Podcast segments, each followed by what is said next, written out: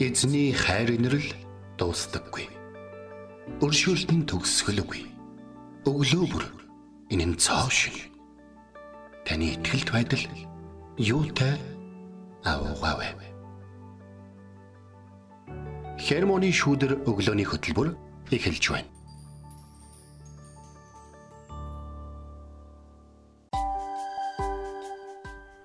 Өглөөний мэнд. Өглөөний мэнд.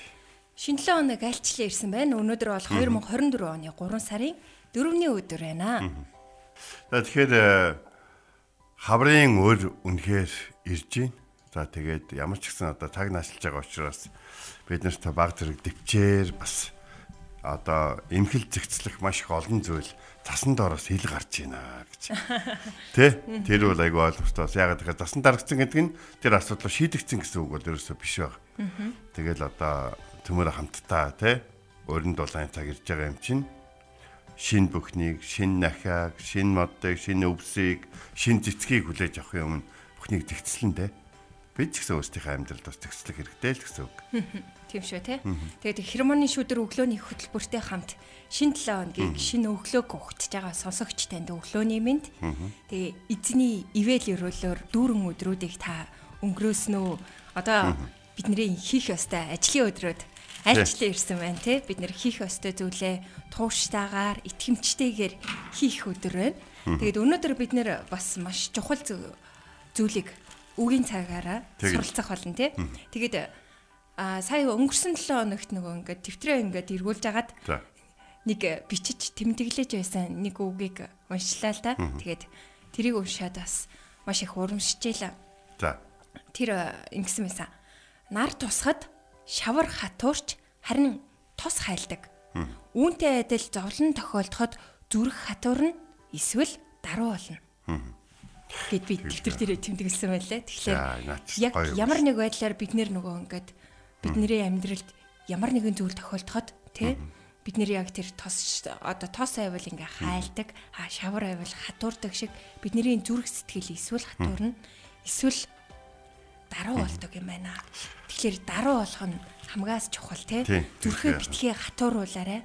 Таны амьдралд яг одоо тий юу ч та туулаад одоо явж иж магадгүй. Гэхдээ тэр дундаа та зүрхээ харин даруй болохын төлөө эзний өмнө ирээрэ гэж таныг ятгах байна.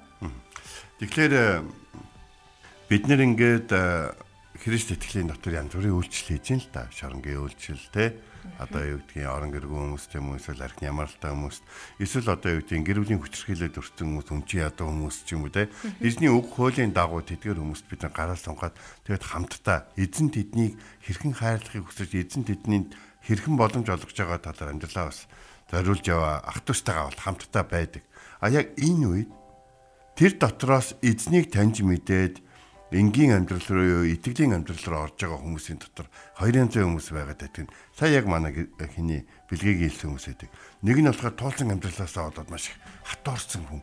А нөгөөх нь бол маш юм зөөлөн сэтгэлтэй болж те урд нь тийм байсан уу гэмээр бүр ингээ гайхмаар тийм өөрчлөлтийг бол авчдаг.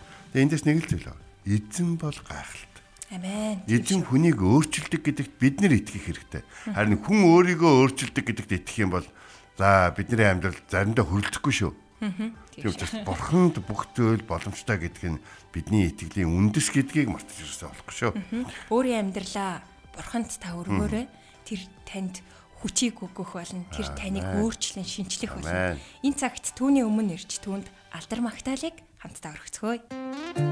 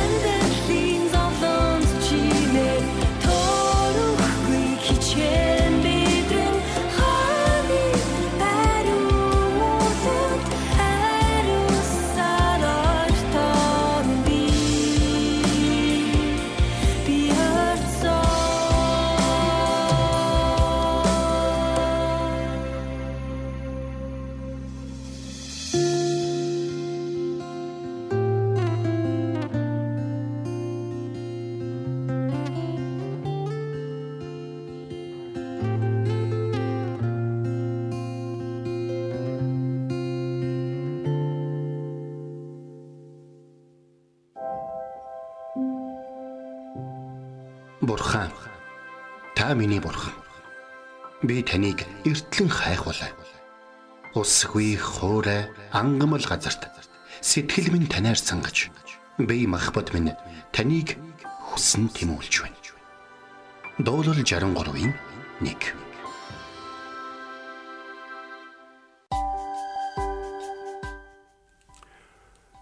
За өнөөдөр бид нар хамтдаа Йосепийн түүхээс бол үзэн. Йосепийн түүхээс хуваалцах бол маш их дуртай. Йосепийн түүхийг ингээд бүр анх ингээд уншиж явах үедээ ингээд сэтгэл ингээд хачин болж ингээд за яг ойлаагүй. Ямар ч гэсэн амар хачин болж ирснийг бол санаж байна. Ягаад тэгэхээр 96 он байсан. Тэр үед нөгөө хуучин гэрээний ном байгаагүй байхгүй бид нарт. Тэгээд а, Монголын Библийн нийгэмдгээс а, гаргасан нэг номыг би ингээд уншиж байсан. Тэгээ миний сэтгэл ингээ маш ингээд хэцүү болж ирсэн. Яг тэгэхээр нөгөө Библийн нийгэмдгийн тэр э, нартай гэж хэлэгдэг тэр Библийн орчуулгын юм яг юм уран зохиолын ингээд юу шиг манай Монголын 200 гаруй эрдэмтэн мэрэг тэр дундаа Урайхайгаа эднэр ерөнхийдөө бол оролцож исэн гэдэг утгаараа утга зохиолын талаасаа бол орчуулгын хувьд бол маш их юм сэтгэлд ойрхон ном багхгүй.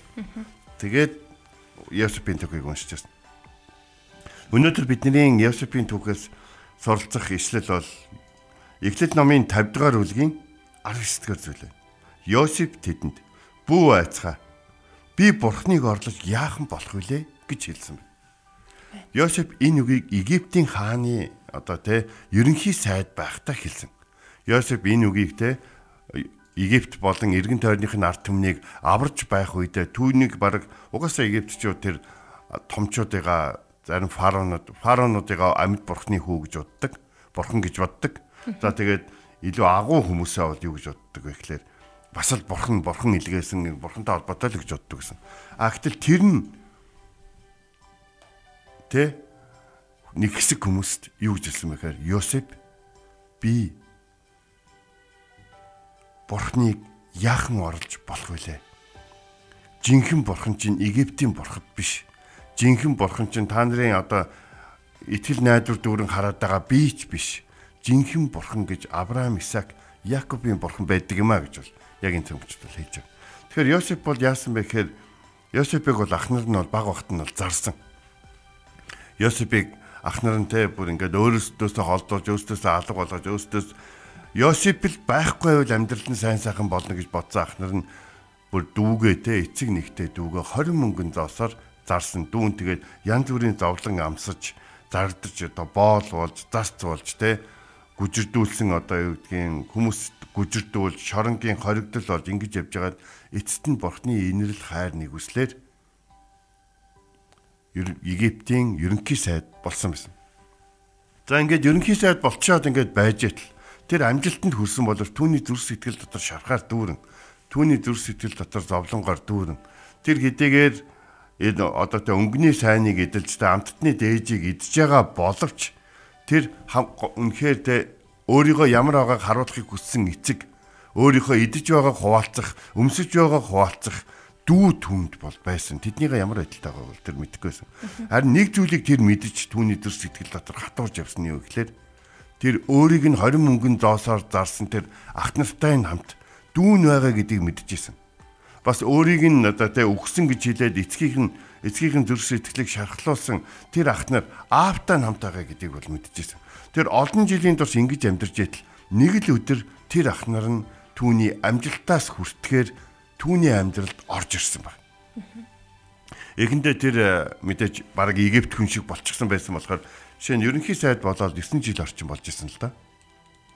Тийм учраас тэр ерөөсөө бүр яг Египт хүн л болсон гэсэн. Харин тэр яг ах нарыгаа харах үед яг тэр 17 настай ах нартаа одоо дормжлогдсон ах нартаа хөөгдөн одоо зарагдаж те Египтэд боол болон зарж исэн тэр нэгэн одоо болсон байсан. Тэгэхээр бид нар нэг ийм зүйлийг ойлгох хэрэгтэй болж байгаа. Библийн түүхүүд гэж яг ямар түүхүүд юм бэ? Библийн түүх бол Израилийн түүх гэж боддог. Харин яг үндэ бол Библийн түүх гэдэг бол Бурхан хүмүүстэй харилцсан харилцааны түүх байгаа даа. Бас нэг зүйл нь вэхээр Бурхантай хүмүүс харилцахгүй амьдрах, харилцаж амьдрахын түүх байгаа даа. Бас хүмүүс бие биендээ яаж харилцаж амьдрдаг вэ? Алдартай, агуу, хүчтэй одоо юм өгөх чадaltaй явах үед нэгэндээ яаж ханддгийг эсвэл хинч биш хэцүү байдалд орох үед нэг нэг яаж орхидгийг гэдэг талаар бол ярьж. Аав нь бол Йосепийг бол юу гэж харсан байгаа гэхээр энэ миний хүүгүүдийн дотроос миний хүүгүүдийн одоо тархин байх боломжтой хүүгд юм шиг. Тиймээс Йосеф илүү их зүйлүүдийг тааж малчин ахаас ахнараас нь илүү те тариланчин ахнараас нь илүү зүйлийг түн зааж сургасан. Энэ нь хүүгүүдтэй хандах бас нэг жоохон хайрын ялгарлал жоохон байсан гэдгийг бол хүлээн зөвшөөрөх хэрэгтэй. А гэхдээ нэг зүйл нэхэр хүний чадамжийн дагуу, хүнийхэн суурийн дагуу, хүний өөрийнх нь хүсэж байгаагийн дагуу хүнийг бэлдэх нь мэрэгэн одоо эцэг хүний багш хүний үүрэг байдаг л та. Ингээд Яаков бол хүүгээ мундаг бэлдсэн байтал ах нар нь дургуутаад атаархаа түүний боол олгоо зарсан. Тэгээ нэг л өдөр түүний амьдралд нь ороод ирсэн. Та нар яах гэж ирсэн? Та нар хаанаас ирсэн гэж. Өө бид нар Канаан нутагт байдаг Яаков гэдэг хүний хүүхдүүд ах トゥ ус байгаамаа гэж. Тийм. Та нар үнэхээр та нар одоо хүртэл хамт явж байна. Харин та нар дундаасаа намайг зарсан даа гэл. Ингээл Йосипийн зүрх сэтгэл улам хатуураал байсан. Тэгээд ах нартай ихэнтэй бол хатуу хандж байгаа. Тэд нэрийг ингээ ян зүрээр чирэгдүүлж те яваад ир та та нар яг хоо та нарын хүсэж байгаа тэр одоо ганг чи үлзэглэн болж байгаа учраас тайраа будааг чи өгье. Гэхдээ та нарт нэг зүйл. Нэг ах トゥ үгүй үлдээ шоронд. Тэгээд яваад Тэр нэг дүү байд юм уу те танаас Бенямин гээд тэр дүүгээ авид тэр. Тэгсэн чи тэд нар ах дүүгээ үлдэхийг хүсэхгүй байсан. Тэгээд ах дүүгээ үлдээгээд явж байхдаа тэднийг өөрчлөгдсөн гэдгийг мэдсэн. Урд нь нэг дүүгээ зарж исэн тэд нар одоо нэг дүүгээ барьцаанд үлдээгээд явхдаа ямар гундуу, ямар шалгалсан, ямар хэцүү байдалтайгаар буцаа явж байгааг харсан. Хэсэг хугацааны дараа Беняминыг дагуулад түрээд ирсэн. Тэгээд хурж ирэн гот нь Йосепийн дотор төлөлгөө байгаа шүү. За. Энэ нэг муусаа юмнуудаас энэ те атаархлаасаа олж дүүгээ 20 мянган зоосоор харь үндэстнүүдэд дардаг энэ муусай юмнуудаас төрсөн дүүгээ салгаж авъя. Тэгээд эдгээр өөрсдөө өстөө нөгөө монголчууд дийлгэр буйнаараа болно үз. Өөрсдийнхоороо болно үз. Энэ хайртай дүүгээ салгаж аваад эднийг хаяа. Эдгээр надаас тэр амаараа будаага аваг харин би эднээс дүүгээл авъя гэсэн ийм бодолтой. Гэтэл тэр ах нар дүүгийг өгдөггүй шүү. Тэд тэр өөрчлөгдсөн байсан энэ хооронд. Тэд нар бүр тэ энэ хүүхдийг өгч чадахгүй. Тэрнээс гадна нэг дүү маань яг үндэ бол үхээгүй маа. Бид нар эцэгтэй худлаа ярьсан. Бид нар тэр хөөд одоо буруу зүйл хийсэн, муу зүйл хийсэн. Ах нар нь гимшсэн. Тэр одоо те Йосепийг одоо зарсныхын дараа Йосепийн төрсөн дүү нь өөрсдийнх нь дунд байж байгаад ахт нь хийсэн зүйлдээ харамсаж тэр дүүгээ ямар их хайрлаж хамгаалж түүний төлөө амиа өгөхөд бэлэн болж өөрчлөгдсөнийг Йосеп ойлгох хүртлээр тэр гомдол дотроо ах нартай хатуурсаар байсан. Тэгээд эцэст нь Йосеп гинэт л өөрийгөө нээж те. Та нар битгий. Би та нарын дүү Йосеп ч юм байна. Та нар энэ газар намайг худалдсандаа битгий санаатаа битгий харамс. Амийг аврахын тулд бурхан намайг та нараас төрүүлж илгээсэн юм а гэж хэлсэн байна.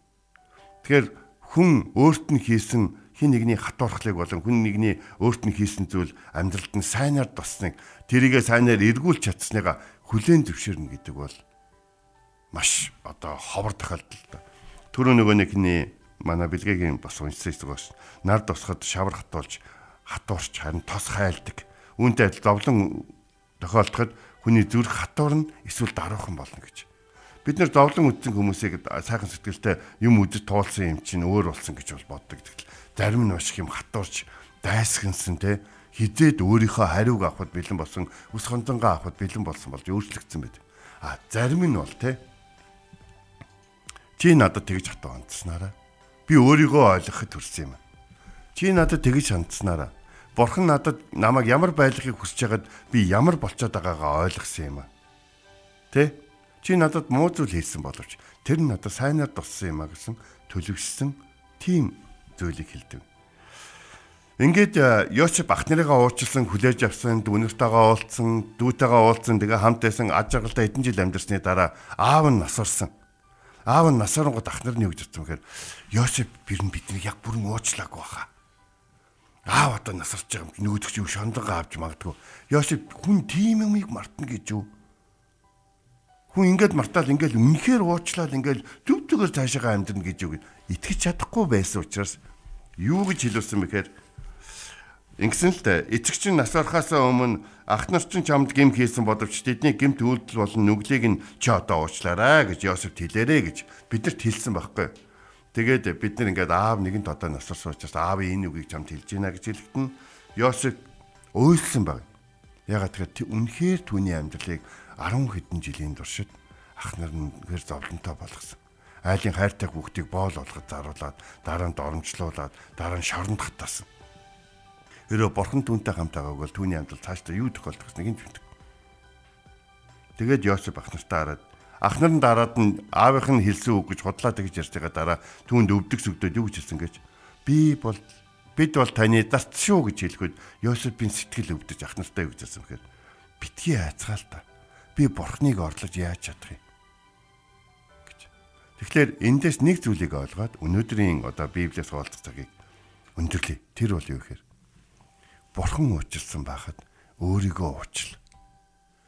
Бурханы өмнө би энэ хүмүүсийг уучлана гэж хэлсэн бол уучлах хүч чадлаа өөрийнхөө дотроос биш харин бурхан өөрийн чинь хэрхэн уучлсан тэр гайхалтай түүхүүд дотроос олж ав. Тэгээд нэг зүйлийг хэлгээд. Бурханы уучлал танаар дамжуулан хүмүүст очих ёстой юм байна. Хэрвээ та уучлах чадахгүй байвал түүнийгөө бурханд хэл Бурхан минь та над чиг хүнийг уучлсан байхад би тэдгээр хүмүүсийг уучлах чадахгүй. Намайг та уучлаарай. Би энэ хүмүүсийг уучлах уучлахгүй талаар боддог. Хэн билээ? Би яахан Бурханыг орлож чадах вүлээ? Би амьдралынхаа эзний ч биш. Харин та бол миний Бурхан. Би Бурхан таны өмнө танаас хүчийг авч танаас мэрэгэн ухааныг авч хойшод амьдрахыг хүсэж байна гэж залбирэн гуйгаараа даруугаараа бас хүчтэй байхаар. Амен. Өнөөдөр бид нэр эхлэл номоос суралцлаа. Йосефийн маш гайхалтай түүхээс бид нэр суралцлаа. Тэгээ сая сайн пастрын маань хилдэг маш чухал үг бас үлдлээ л дээ. Бурхан таныг уучлсан баха та өөрийгөө бас уучлаарай. Тэгээд бурханы уучлал танаар дамжин хин нэгэнд бас те тэр уучлал нь хүртэх өстэй тэр хүмүүст те очих өстэй шүү гэдгийг та санаарай. Энэ үгийг бас дахиад сануулъя те. Тэгээд энэ цагт эзэн бурхны өмнө хамтдаа ирэн магадгүй та өөрийгөө уучлах чадахгүй яваа бол бурхан таныг уучлсан гэдгийг санаарай. Хин нэгнийг та уучлах чадахгүй байгаа бол мөн бурханаас уучлалт гуйгаад тэр хүнийг уучлах зүрх сэтгэлийг бас хүсээсэ. Түүний өмнө ирцгээе.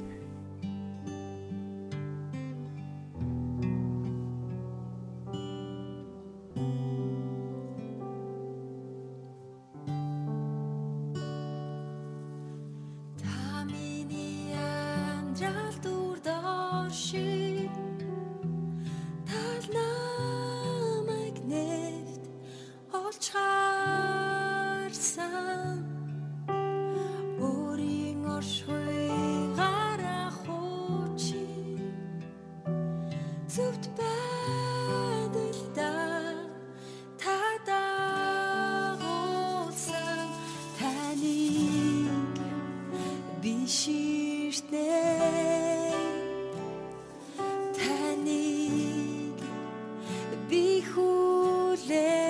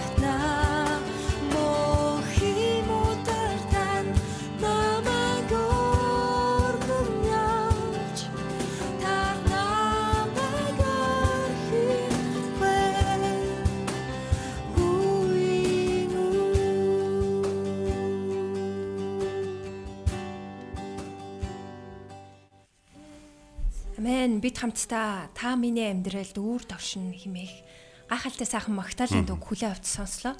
Өнөөдөр бид нэр үгийн цагаараа Эхлэл номын 50 дугаар бүлгийн 19 дугаар ишлэлээ суралцлаа.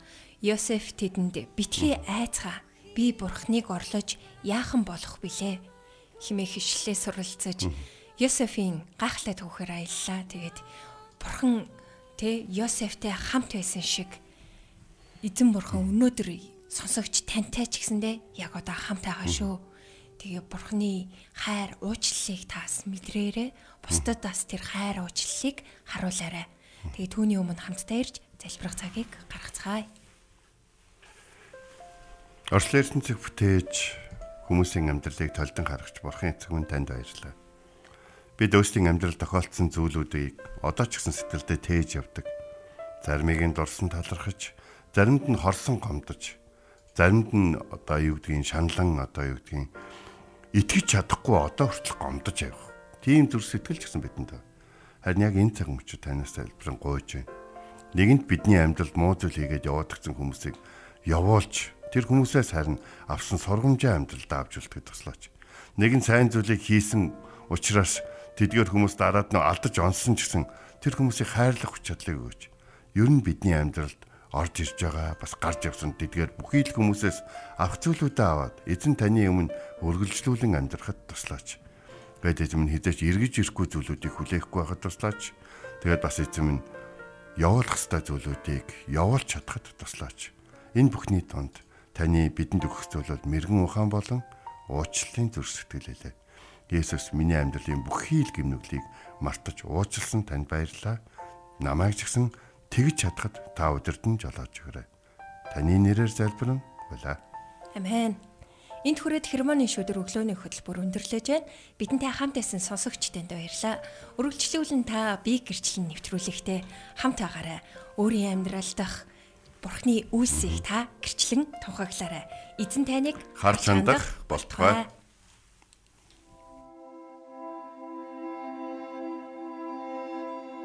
Эзэн зүрхийг чинь бурхны хайр ба Христийн төвчөрт чиглүүлэх болтугай. Хермоны шүүдэр өглөөний хөтөлбөр танд хүрэлээ.